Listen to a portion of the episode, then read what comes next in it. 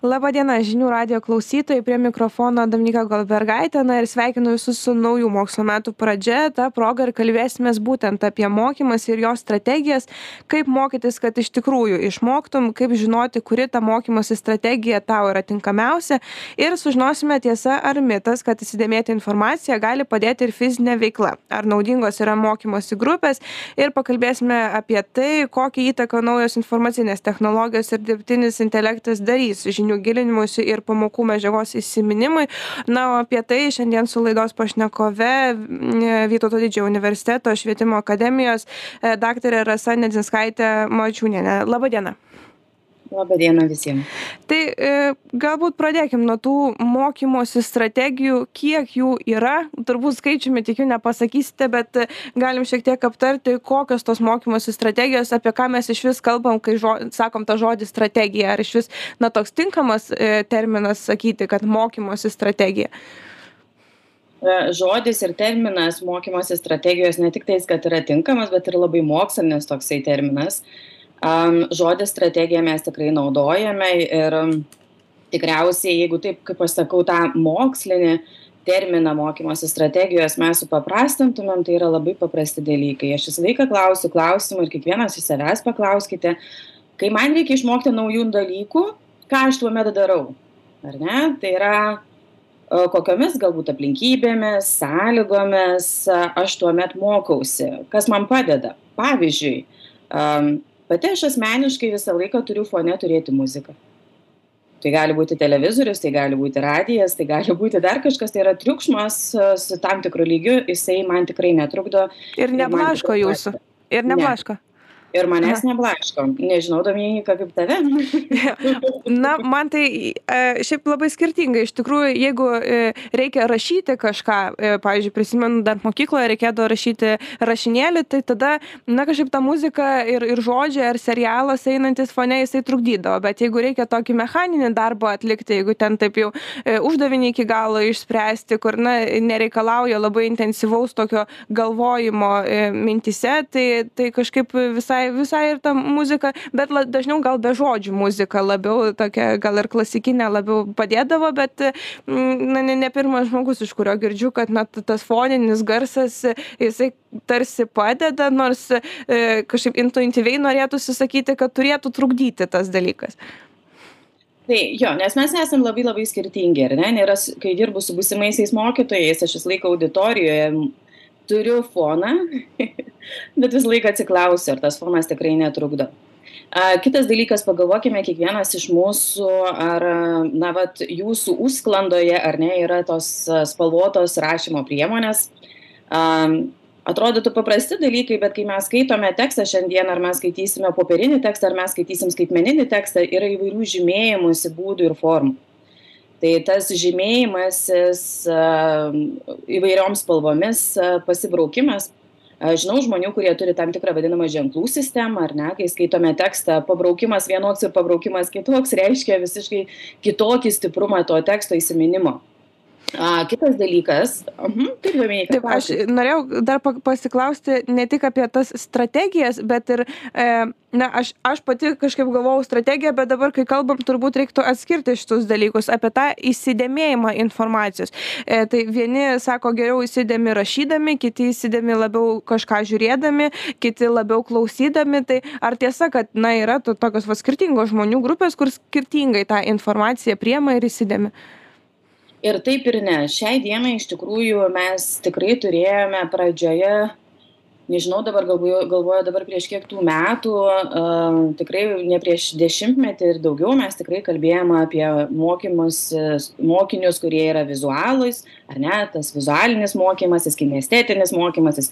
Mes čia turime įvairių klasifikacijų ten matematinis ar ne intelektas.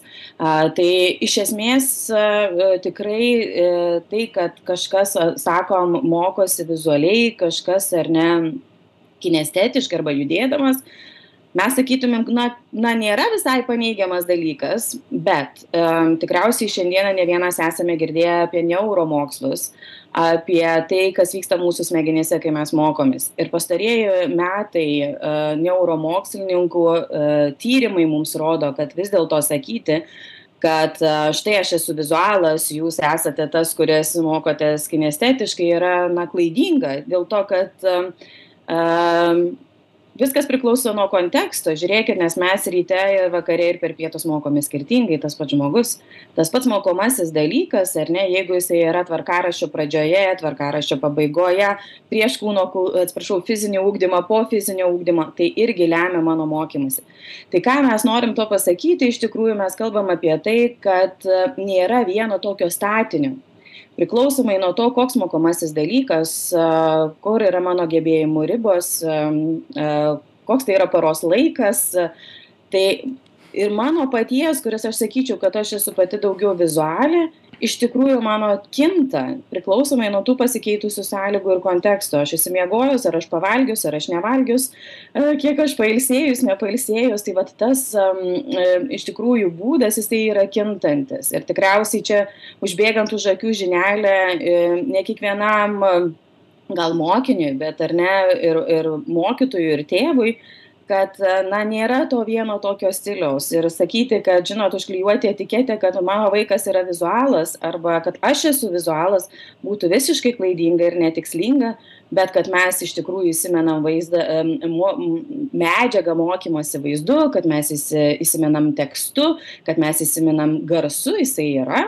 Ir tikriausiai kai mes dabar kalbam apie naujas strategijas tokias kaip universalus dizainas mokymuisi Tai pagrindinė idėja, apie kurią mes kalbame, kad ta pati medžiaga, kai mes mokomės, jinai turėtų būti pasiekiama mums būtent toms trimis skirtingomis jūslėmis - tekstu, vaizdu ir garsu.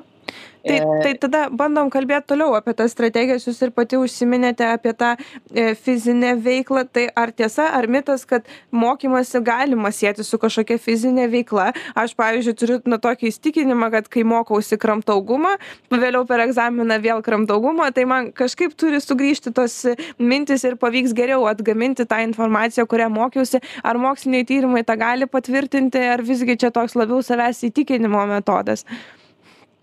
Vėlgi aš nebūčiau visiškai labai tokia kategoriška. Vienas dalykas tikrai čia reikėtų gilesnių tyrimų ir specialistų kurie tikriausiai gilinasi į šitą sritį ar ne? Tai čia reikėtų galbūt ir psichologų ir neuromokslininkų klausti kaip tai veikia bet tikriausiai gal reikėtų sakyti ne tas fizinis veikimas bet tos sąlygomis kuriomis aš mokausi tai yra prisiminimas atsiminimas smegenyse kurios yra nu kaip aš sakau ar ne mes darom sąsajas kažkokias. Kai mes mokomės kalbos mes sakom darykime sąsajas ar ne? Yra visokios mnemonikos technikos kurios mums padeda išmokti naujus dalykus susieti juos su tai kas mums jau yra žinoma.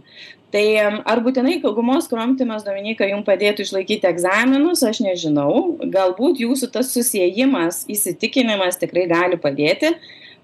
Bet kad kartais mes mokomės judėdami vėlgi mes esam labai skirtingi. Mano patirtis rodo kad mes tikrai turime mokinių ypač pradiniame ugdyme kuomet mokinys atėjęs į mokyklą tam kad jisai mokytųsi jo fizinis kūnas truputėlį veikia kitaip negu mes norėtumėm. Kitaip sakant pasodinti jį į suolą ir liepti jam klausyti vis dėlto neveikia taip kaip mes norėtumėm. Ir yra tikrai vaikų ir mūsų mokytojai tą leidžia daryti. Ir tuo mes labai džiaugiamės kad pritai pritaiko aplinką leidžia mokiniams ir gulėti leidžiame ir sėdėti ant minkšto kamuolio leidžiame uh, patogiai sėdėti kažkokiame minkštasuolyje leidžiame turėti širmas jeigu man trukdo kažkas ar ne? Tai va toksai fizinio kūno padėjimas į kitą vietą gal aš daugiau kalbėčiausi tos tokios sąlygos mokymuisi susidarymas tai aš kaip tik apie tas erdves ir noriu paklaust mes pakalbėjom kad na svarbu ir žinoti kurios dienos paros metu tau yra patogiau mokytis bet ir ta erdvė. Kaip svarbu namuose pavyzdžiui turėti erdvę kad čia aš mokausi čia aš miegu pavyzdžiui ir jų nemaišyt tarpusavyje arba kaip tik intensyviai intensyviai mokantis pakeisti savo vietą karts nuo karto nu nuvažiuoti į biblioteką pasimokyti nueiti pas draugą pasimokyti. Kiek svarbu tas na tos erdvės toks pakeitimas arba kaip tik turėjimas tos vienos vietos? Vėlgi tikriausiai priklauso nuo mūsų visų ar ne? Kadangi mes esam labai skirtingi. Kai mes kalbam apie ikimok mokyklinio amžiaus vaikus ar ne? Kai mes kalbame apie įgūdžių formavimąsi tai tikriausiai mes kalbame apie tam paruoštą erdvę. Kuomet mes žinom kad ateinam į tą erdvę kurioje vyksta mokymasis. Ar ne? Tai mes čia ne galbūt nevalgom nežaidžiam bet mes šitoje vietoje mokomės darom namų darbus. Ir tos erdvės paruošimas ar ne technologinis kažkoks tai yra kompiuteris ar ne tai yra šviesa tai yra priemonės tai šito tikrai reikia bet kai mes kalbame jau apie tai kai mes turime įgūdį mokytis tai mes truputėlį jau atsiribojame nuo tos fizinės erdvės. Ir šiandieną naujausios mokslinės mokymosi teorijos mums sako kad mes mokomės pagal konektyvizmo e, mokymosi teoriją. Ką tai sako mum? Tai mes mokomės visur ir visada ir bet kur nepriklausomai nuo to kur mes esam kuriuo paros laiku esam mokymosi procesas vyksta ar ne ir jisai vyksta būtent pasinaudojantis įvairiomis technologijomis. Ir jisai gali būti bet kur. Gali būti bibliotekoj kaip tu minėjai tai gali būti tiesiog parke kažkur su knyga tai gali būti tiesiog patogiai namuose kaip aš šiuo metu esu ant lovos. E, jūs paminėjot tokį įdomų dalyką įgūdis mokytis. Kai jau turiu įgūdį mokytis ką tai reiškia tada? Kaip žinoti kad aš jau turiu tą įgūdį? Na žinot mes turėjom visą laiką jau mokytojų tarpe tai mes tikrai apie tai labai daug kalbėdavom. Tai mes visą laiką turėjom e, tokią sąvoką mokėjimo mokytis kompetencija ar ne? Apie ją mes esame visi girdėję tai mokėjimo mokytis kompetencija jeigu mes ją išverčiam vėlgi į lietuvių normalią kalbą visiems suprantama tai yra labai paprasti dalykai. Kai aš turiu vat būtent įvairių strategijų kurias jūs minėjote pradžioje mokymosi strategijų kaip aš vadinu krepšelį ar ne? Kitaip sakant kai aš noriu išmokti present perfect laiką ką aš darau? Ar aš žiūriu video ar aš perkuosi mokymusis kažkokius ar aš braukiuosi tekstą ar aš darau daug užduočių tekstinių ir panašiai. Tai reiškias aš turiu kažkokių įvairių būdų kaip išmokti tą present perfect laiką. Tai kai ką reiškia kai aš jau vat mokė mokėsiu mokytis tai reiškias kad aš pabandysiu pasiimti vieną strategiją ir grįžti atgal pasižiūrėti ar jinai man veikia. Kitaip sakant ar ne um, angliškai yra tokie trys žodžiai. Choose do review ar ne? Pasirink tai reiškias aš turiu galimybių ir aš žinau kad aš galiu ir taip ir anaip ir trečiaip daryti. Tada pabandau ir grįžtu žiūriu ar tai ką aš pasirinkau man veikia ar neveikia. Na pavyzdžiui tas pats present perfect laikas. Aš noriu jį išmokti.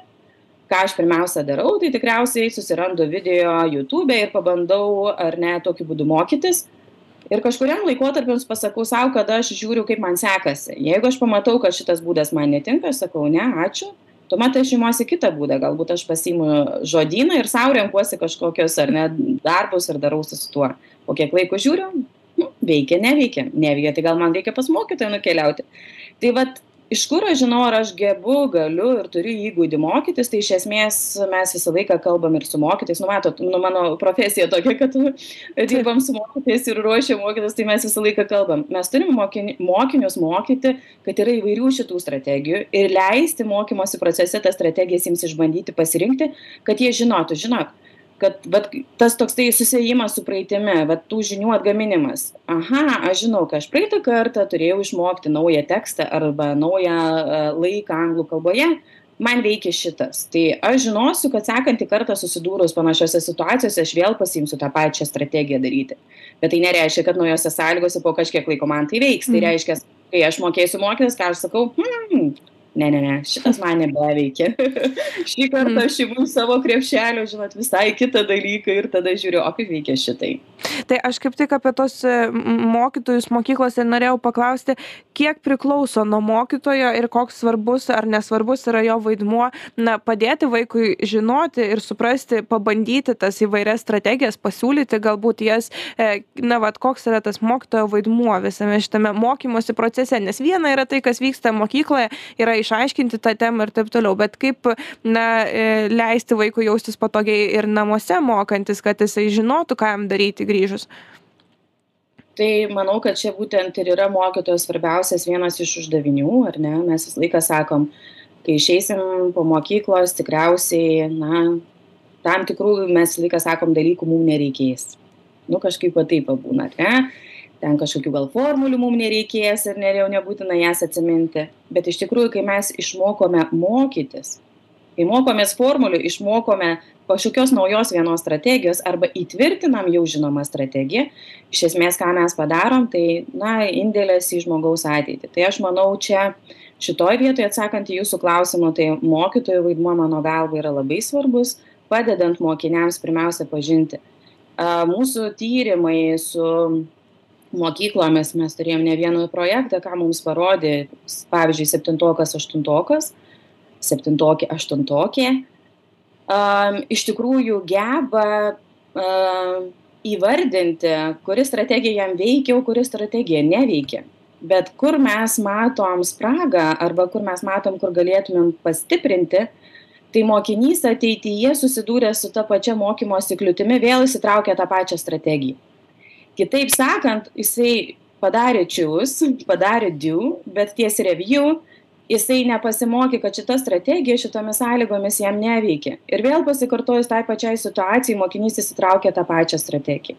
Tai vat šitoj vietoj e, mano galva vis dėlto be mokytojo be ugdytojo e, pagalbos mokiniui yra per sunku vienam palikti kapstytis šitoje įgūdžių strategijų visam lauke ir mūsų manau darbas visų yra padėti ne tiktais pasidaryti tą krepšelį tų strategijų pasiūlant mokiniams praktikoje bet ir padedant ateityje jas atsirinkti ir parodant kad žiūrėk praeitą kartą tu sakei tau neveikė tai kodėl tu naudoji dar kartą tą pačią ar ne Ar nori įsitikinti, kad vėl jinai neveikia? Na, galbūt. Taip, tai tada dar apie vieną strategiją turiu klausimą ir tada jau e, e, judėsime link pabaigos. E, dar viena strategija - mokymasis grupėse. Kaip Jūs matote šią strategiją? Geriau tas mokytis kartu, kažkaip padėti vienas kitam ar geriau individualiai ir jeigu jau mokomės grupėje ar ne tai ar visiems mokytis kartu to paties dalyko ar efektyviau yra kai na mes mokomės skirtingų tada turim kartu pertrauką kaip jūs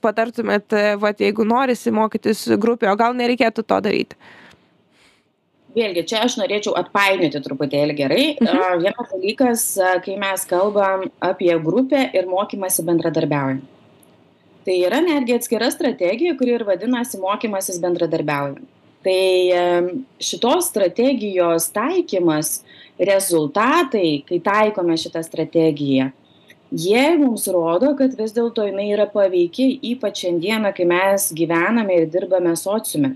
Tai tas mokymosi bendradarbiaujant strategija sako kad iš esmės kada įvyksta mokymasis kai ne aš vienas pergalvoju ir sujungiu savo seną žinojimą su nauju bet kai mes tai padarom su kolegom ir draugais nes tada gaunasi mūsų suvokimas juk yra visų skirtingas ar ne? Mūsų smegenys visos skirtingos. Mes tą patį tekstą perskaitę visi suprantame jį skirtingai nes skirtingai susidedam nu kaip aš sakau akcentėlius. Tai kas atsitinka kai mes taikom mokymosi bendradarbiaujant pačią strategiją tai mes pasiekiam vienodo žinojimo dėl to kad žmonės pradeda diskutuoti tarpusavy bet tam reikalinga nu kaip sakau išpildyti ne vieną sąlygą jeigu mes kalbam tiesiog apie mokymąsi kaip grupėje ar ne tai truputėlį mano galva čia yra kitas dalykas nes mūsų irgi vėlgi kaip aš sakau yra įvairių. Kažkam patogiau ir paprasčiau yra mokytis individualiai kažkam yra grupėje bet šiandien mes sakom kad jeigu mes gyvenam sociume mes turėsim būti sociume mes esam sociumo dalis tai bet kokiu atveju tas grupės žmonių būrio mokymasis na jisai yra neišvengiamas ar ne? Ir mes kaip aš sakau netgi ir norėdami evakuotis į mišką ir miške nebūsime vieni, nes aplinkui bus e, kitos gyvybės. Tai, tai tada aš ir e, paklausiu, e, pas, beveik paskutinį klausimą, atsižvelgiant ir į tokias dabartinės globales, globalius pokyčius ir realijas, kaip manot, dirbtinis intelektas ir naujos informacinės technologijos dabar padės mokytis ir tai taps kažkokios naujos tokios mokymosi strategijos, ar visgi skatins nesimokyti? Pasimokyti ir daugiau tiesiog ieškoti informacijos internete, nebandyti jos įsiminti e, ar įsidėmėti ir na, tiesiog naudotis kaip tokiu paieško šaltiniu? Nežinau, man atrodo, mes nebijokim tų technologijų. Mano giliu įsitikinimu, bet čia toks mano subjektivus gilus įsitikinimas, kad mokytojai, žinokit, tikrai niekas nepakeis tai, ką darė mokytojas ir daro mokytojas, iš esmės nėra pakeičiama jokiais kol kas technologiniais dalykais ir aš nežinau, ar mes dirbtinį intelektą galime pakelti iki tokio ligmens, kad jisai pradėtų jausti. Um, šiandien mes vis dėlto grįžtam su savo tyrimais, štai su komanda taip pat turim ne vieną tyrimą, kai mes uh, dirba, um, tyrinėjame lauką, pavyzdžiui, uh, būtent vaikų iš socialiai, ekonomiškai ir kultūriškai apleistos aplinkos, uh, iš tikrųjų, ką mes matom, kad esminis komponentas padedantis šitiems žmonėms mokytis, tai yra santykis su mokytoju. Tai nežinau ar technologijos priemonės gali pakeisti santykį su mokytoju ir bet kitas dalykas mano galva visos šitos technologijos bet kokiu atveju yra pagalba mokiniui tiktais ir mokytojui bet kokiu atveju. Tiktais reikia labai kaip sakau kritiškai ir ir protingai pasirinkti išsirinkti naudoti ir taikyti ir tikrai nebijoti. Nes technologiniai šitie visi sprendimai dirbtinis intelektas tai yra e, priemonės. Jeigu anksčiau turėjom priemonę vadovėlį ir žinyną šiandien turim priemonę ar ne dirbtinis intelektas čiatai nežinau įvairios kahoot mentimeter ir panašios programėlės kas iš tikrųjų mano galva netrukdo bet padeda bet jeigu mes tikslingai ir protingai jas naudojam savo ugdymo procese. Tai tada pabaigai paskutinis gal jūsų toks apibendrinimas patarimas atsakant į klausimą kaip visgi mokytis kad išmoktum? Aš žinokit vis dėlto siūlyčiau visą laiką laikyti savo galvoje tą trejybę tokią. Choose do review. Pasirink daryk, peržiūrėk.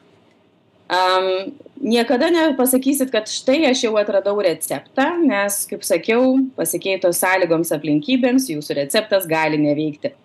Tai palinkėjimas yra visą laiką kaupti patirtis, permastyti, kas šitoje patirtyje man pavyko, nepavyko, kodėl pavyko, kodėl nepavyko. Ir tokiu būdu susidarius, kaip pasakau, tą E, strategijų krepšelį pasikeitus sąlygoms aplinkybėms įsitraukti pabandyti.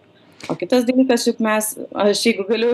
Taip, prašau, pavaikyti. Tai tiesiog visą laiką noriu sakyti, žinot, nu mokymasis yra sunkus dalykas. Ir, ne, kaip sakyti, nesėkmė yra natūrali viso mokymosi proceso dalis.